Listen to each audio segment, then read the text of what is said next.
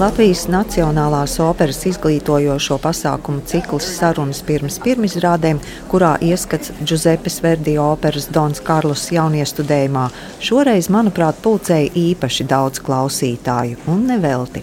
Režisors Klaus Gults ir viens no savas paudzes atzītākajiem režisoriem, daudz operas balvu ieguvējs, tā skaitā 2023. gadā saņemta opera balva kategorijā Labākais režisors. Pie viņa režijas sasniegumiem ietilpst arī augstu novērtētais Dona Karlosa iestudējums, atklājot Neapoles teātro San Carlo 2022. un 2023. gada sezonu. Vakara vadītāja ir Liena Jakovļeva, bet raita tulkojumu saziņā ar viesmāksliniekiem nodrošina Astra Irmēja Šēfere. Rīgā režisors ieradās tikai šo pirmdienu īsi pirms tikšanās ar skatītājiem sarunās pirms pirmizrādēm un uzsvēra, ka tas nav ierasti, bet bijis īpašs projekts Ņujorkā kopā ar solistu Jonasu Kaufmanu. Tāpēc pateicības vārdi tika veltīti atjaunojuma režisoram Marcelam Peršam Buskīnu. Un viņš ir šeit klātesošs un pelnīgs aplausus. oh, yes, this is a team I work a lot with, so I think Jā, atjaunojuma režisors Marcelo, kurš ir klātsošs arī šovakar, ir uh, cilvēks, ar kuru es esmu sastrādājis. Šeit kopā ar mani ir arī visa komanda, jaunie studējuma komanda, ar kuru es esmu jau vairāk kārtīgi sastrādājies. Es gribētu teikt, ka Marcelo ir cilvēks, kuram es uzticos pilnībā. Cilvēks, kurš šīs operas materiālu un iestudējumu pārzina pat labāk par mani un atcerās labāk par mani. Mēs uzturam savstarpēju kontaktu, nereti mēs sazvanāmies un precizējam varbūt kādas nianses, kādas personības šķautnes vai kā, bet es teiktu, ka ir ļoti labi, ka Marcelo šeit ir, jo viņš ir cilvēks, kurš runā visas iespējamās valodas, kurš ir profesionāls un nevarētu iedomāties labāk cilvēku, kas to var darīt. Tiešām cilvēks brīnums. Opera Dons Karls piedzīvojusi daudzus pārveidojumus, dažādas versijas. Rīgā būs pieci cēlieni, kas ir arī muzikālā vadītāja un diriģenta Frederika Šaslēna iemīļota versija. Although I'm French, I formally prefer the Italian version uh, for many reasons. First of all, Pašam būtamam francūzim man ir jāatzīst, ka franču valoda nav pateicīga dziedātājiem. Un tie no jums, kuri nerunā franču valodā, bet ir kādreiz dziedājuši, man varēs piekrist un sapratīs, kāpēc. Jo franču valodā ir tik daudz skaņas, kuras vokāli ir ļoti sarežģītas, grūti veidojams, kuru pretim itāļu valoda ir valoda, kurā nevis runā, bet dzied. Jūs piekritīsiet man, ka uz ielas pat Itālijā cilvēki dzied, un šeit Rīgā itāļu restorānā izklausās, ka arī pavāri virtuvē nevis sarunājās dziedās, bet dzied savā starpā. Tā kā tādā ziņā visnotaļ itāļu versija ir daudz pateicīgāka gan dziedātājiem, mūziķiem, un es gribētu arī teikt, ka šī piecu cēlienu versija tiešām ir ļoti būtiska, tāpēc, ka šis stāsts pats par sevi ir ļoti apjomīgs, un tieši šie pieci cēlieni pretstatā četriem palīdz šo stāstu izstāstīt. is not even enough.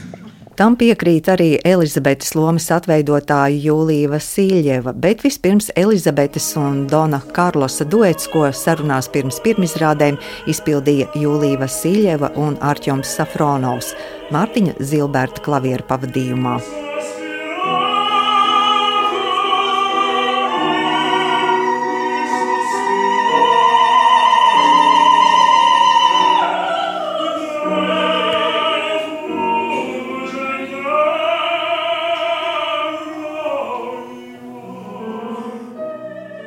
Solistiem sarunu vadītāja Liena Jakovļeva jautāja, cik sarežģītas ir viņu lomas. Nu, es domāju, ka sarežģīts tas ir uh, maz teikt, vai ne?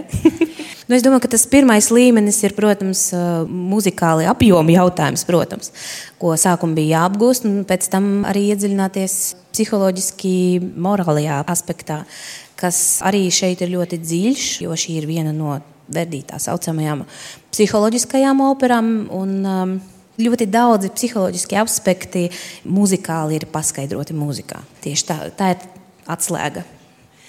Julijas, šī ir versija, kurā klāta ir likts pirmais cēliens. Vai tas jūsu attiecībām tas ir būtiski, ka tiek parādīts tas ceļš uz visu šo traģēdiju?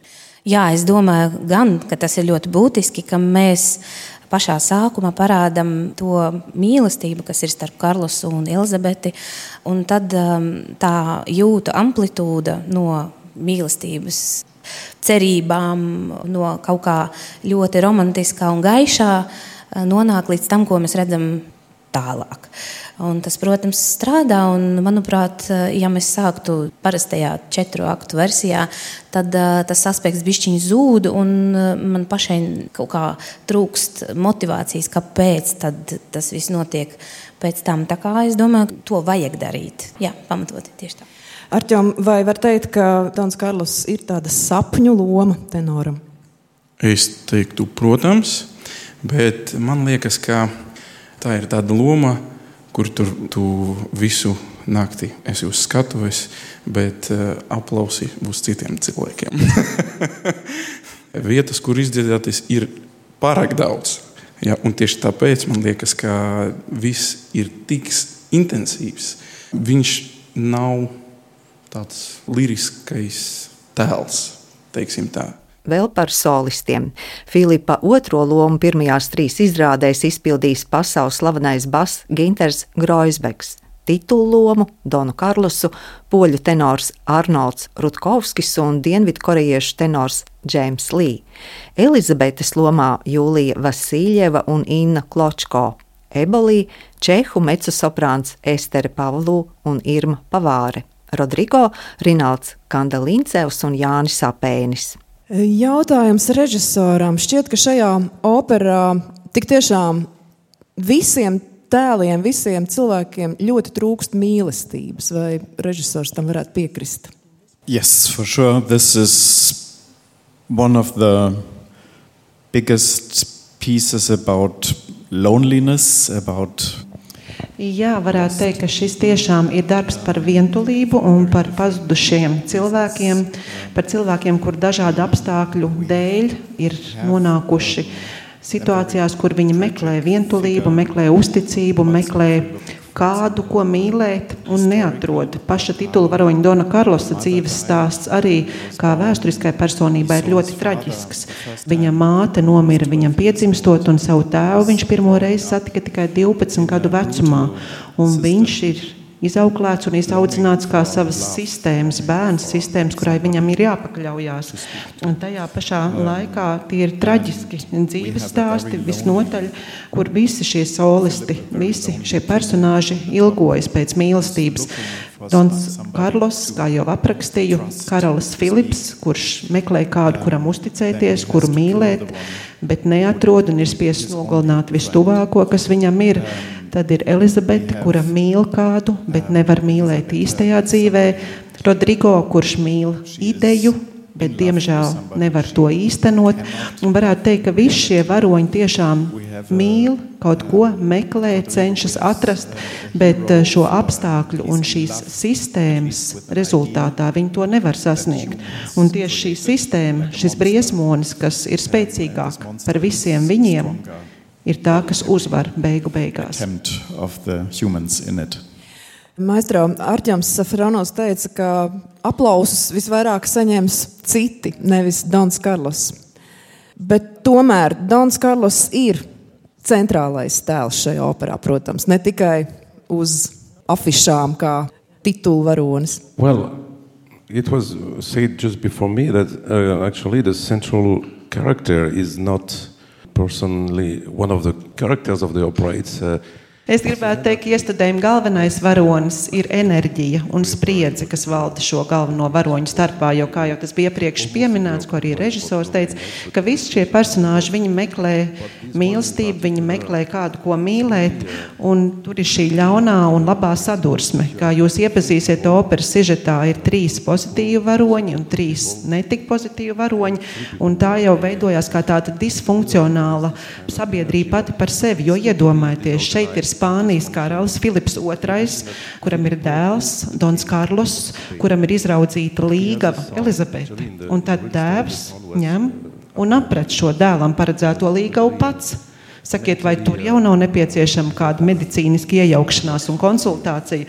Un tad ir ebolija, kur ar savu spriedzi un harizmu ir iemīlējusies Donā Karlosā un veidojas jau ļoti īpatnējs, jau mīlas trīstūrs viņiem savā starpā. Tā kā ir ļoti grūti pateikt, kurš šeit ir galvenais no personāžiem. Varbūt liela inkvizitors, kuram Giuseppe Verdi ir veltījis ļoti spēcīgu muzikālo materiālu un kuram ierodoties drēb visi. Turpinājumā ieskats operas vēsturnieka Mikus Čēžas audiovizuālajā lekcijā Atstumtais tēva dēls, ko iesāka ar Friedriha Šillera lugu Dons Karlos, kas publicēta un iestudēta 1787. gadā un drīz vien skatuves dzīvi sākus arī Rīgā. Bet vispirms pievērsa mūsu uzmanību Šillera portretam. Augusta Folca atveidotais Friedrichs von Schillera sejas profils rotā Latvijas Nacionālās operas nama skatuves portālu. Cīņa uzstādīšanas laikā Vācu trupa atzīmēja simtgadi, kopš Šillera Dons Karlos bija pieredzējis Hamburgā pasaules pirmuzvedumu, pēc kura dažus mēnešus vēlāk notika pirmizrāde vecajā Rīgas pilsētas teātra namā. Līdz ar to Rīga ir viena no pirmajām pilsētām pasaulē, kurā varēja iepazīt Šillera drāmu, kas pēc astoņām desmitgadēm Giuseppe Verdi kalpoja par iedvesmu avotu monumentālas romantiskās operas atcerēšanai. Ekrānā redzam manuskriptu, kas tiek glabāts Latvijas Universitātes akadēmiskajā bibliotekā.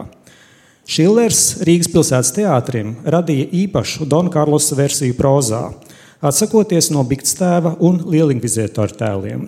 Tātad, izvairoties no klerikālās līnijas. Ne tikai Šilera drāmai ir atšķirīgas versijas, arī Verdi operai, kā jūs dzirdējāt, ir paša autori radīti varianti. Septiņi autora varianti. No tiem sistēmiski svarīgi ir divi - Parīzes redakcija piecos cēlienos ar baletu franciski un Milāns redakcija četros cēlienos itāliski, bez Fontemlo cēlienu un bez baleta. Giuseppes Verdī Dons Karlos mūsu operteātra vēsturē ieskanējies vēlu. Mikus Čeže demonstrē 1962. gada iestudējuma vizuālos materiālus. Ekrānā attiecīgi redzam birdas goģis, dekorācijas un kostīmus, kā arī krustēnā sabrukušo varoni izrādes bukletu noformējumā. Kritika augstu novērtēja solis sniegumu un orķestra izteiksmīgo spēli diriģenta Rihārda Glāzu vadībā. Valdemāra Pūtas režijā publikai tika piedāvāti trīs cēlieni ar prologu. Toreiz viss tika dziedāts latviešu tulkojumā. Donu Karlos itāliski Latvijā pirmoreiz varēja iepazīt 1988. gadā, kad tandēmā ar Rikārdu Glāzopu un Birutu Goģi strādāja režisors Guntis Gailītis, kuru Laima Žurgins filmējumā tūlīt vērosim mēģinājuma procesā, īsā diskusijā ar Kārli Zariņu. Ja tu nesāktu prasīt par Flandriju, ja Bet svarīgi. mans nākošais! Prime, fatāle, tas jau ir tas, Jā, tas būs tas, ka tu nevaldīsi. Tas Tas, ir cits. tas. Tas ir cits. Bet tā ir tā mana būtība. Nu, pareizi. Tā, ne, pag, Man viss tā Flandrija pie pakaļs, man tā Elizabete ir tā, pirmā. tas ir skaidrs. Tas ir skaidrs. Sarà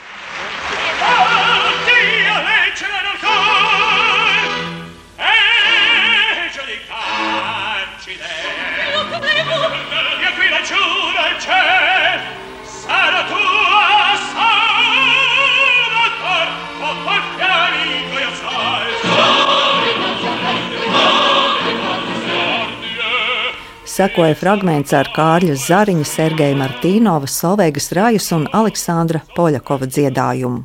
Un vizuāls atgādinājums par 1998. gada iestudējumu mūsu opernamā. 1998. gada iestudējuma fotografijās, autodafē skats Kristīnas Pasternaks kostīmos un Kāļa Freiberga scenogrāfijā, kas ļāva uzplaiksnīt gan iekšējai agresijai, gan romantiskam jūtīgumam. Te varēja just vedīja mūzikas spēkam atbilstošu vērienu. Monumentālais krusts izrādes noslēgumā apsedz nelaimīgo kroņprinci. Un tā bija nepārprotama zīme operā iekodētajai tēva un dēla attiecību drāmai. Teātrī raisījās strīdi, cik lielā mērā vajadzētu pakļauties režisora Klāsa Felbauma gribai un viņa dzīves biedras, diriģents Kerstins Nērbis gatavībai stipri īsināt verdī partitūru. Vai, piemēram, diskusijas, kā varētu līdzēt toreizējam Latvijas Nacionālās operas muzikālajiem vadītājam Ginteram Rinkevičam, samierināties ar nejaušības faktoru, tik iespējama, jo uzveduma norisēs tiek iesaistīti dzīvnieki. Atcerēsimies, ka pirmais, kurš pieļāva Dona Karlos fragment svītrojumu, bija pats komponists. Brīdināts par skatītāju nemākslinieckajām vēlmēm, paspēt uz pēdējiem vilcieniem, kas savieno Parīzi ar tās priekšpilsētām. Un neaizmirsīsim, ka lielās vēsturiskās operas žanrā, kādā Dons Karlos tika īstenots, masu skatos četrkājainas radības netika apkarotas, jo sniedza skatītājiem zinām izklaidi temporāli tik izvērstajā baudījumā.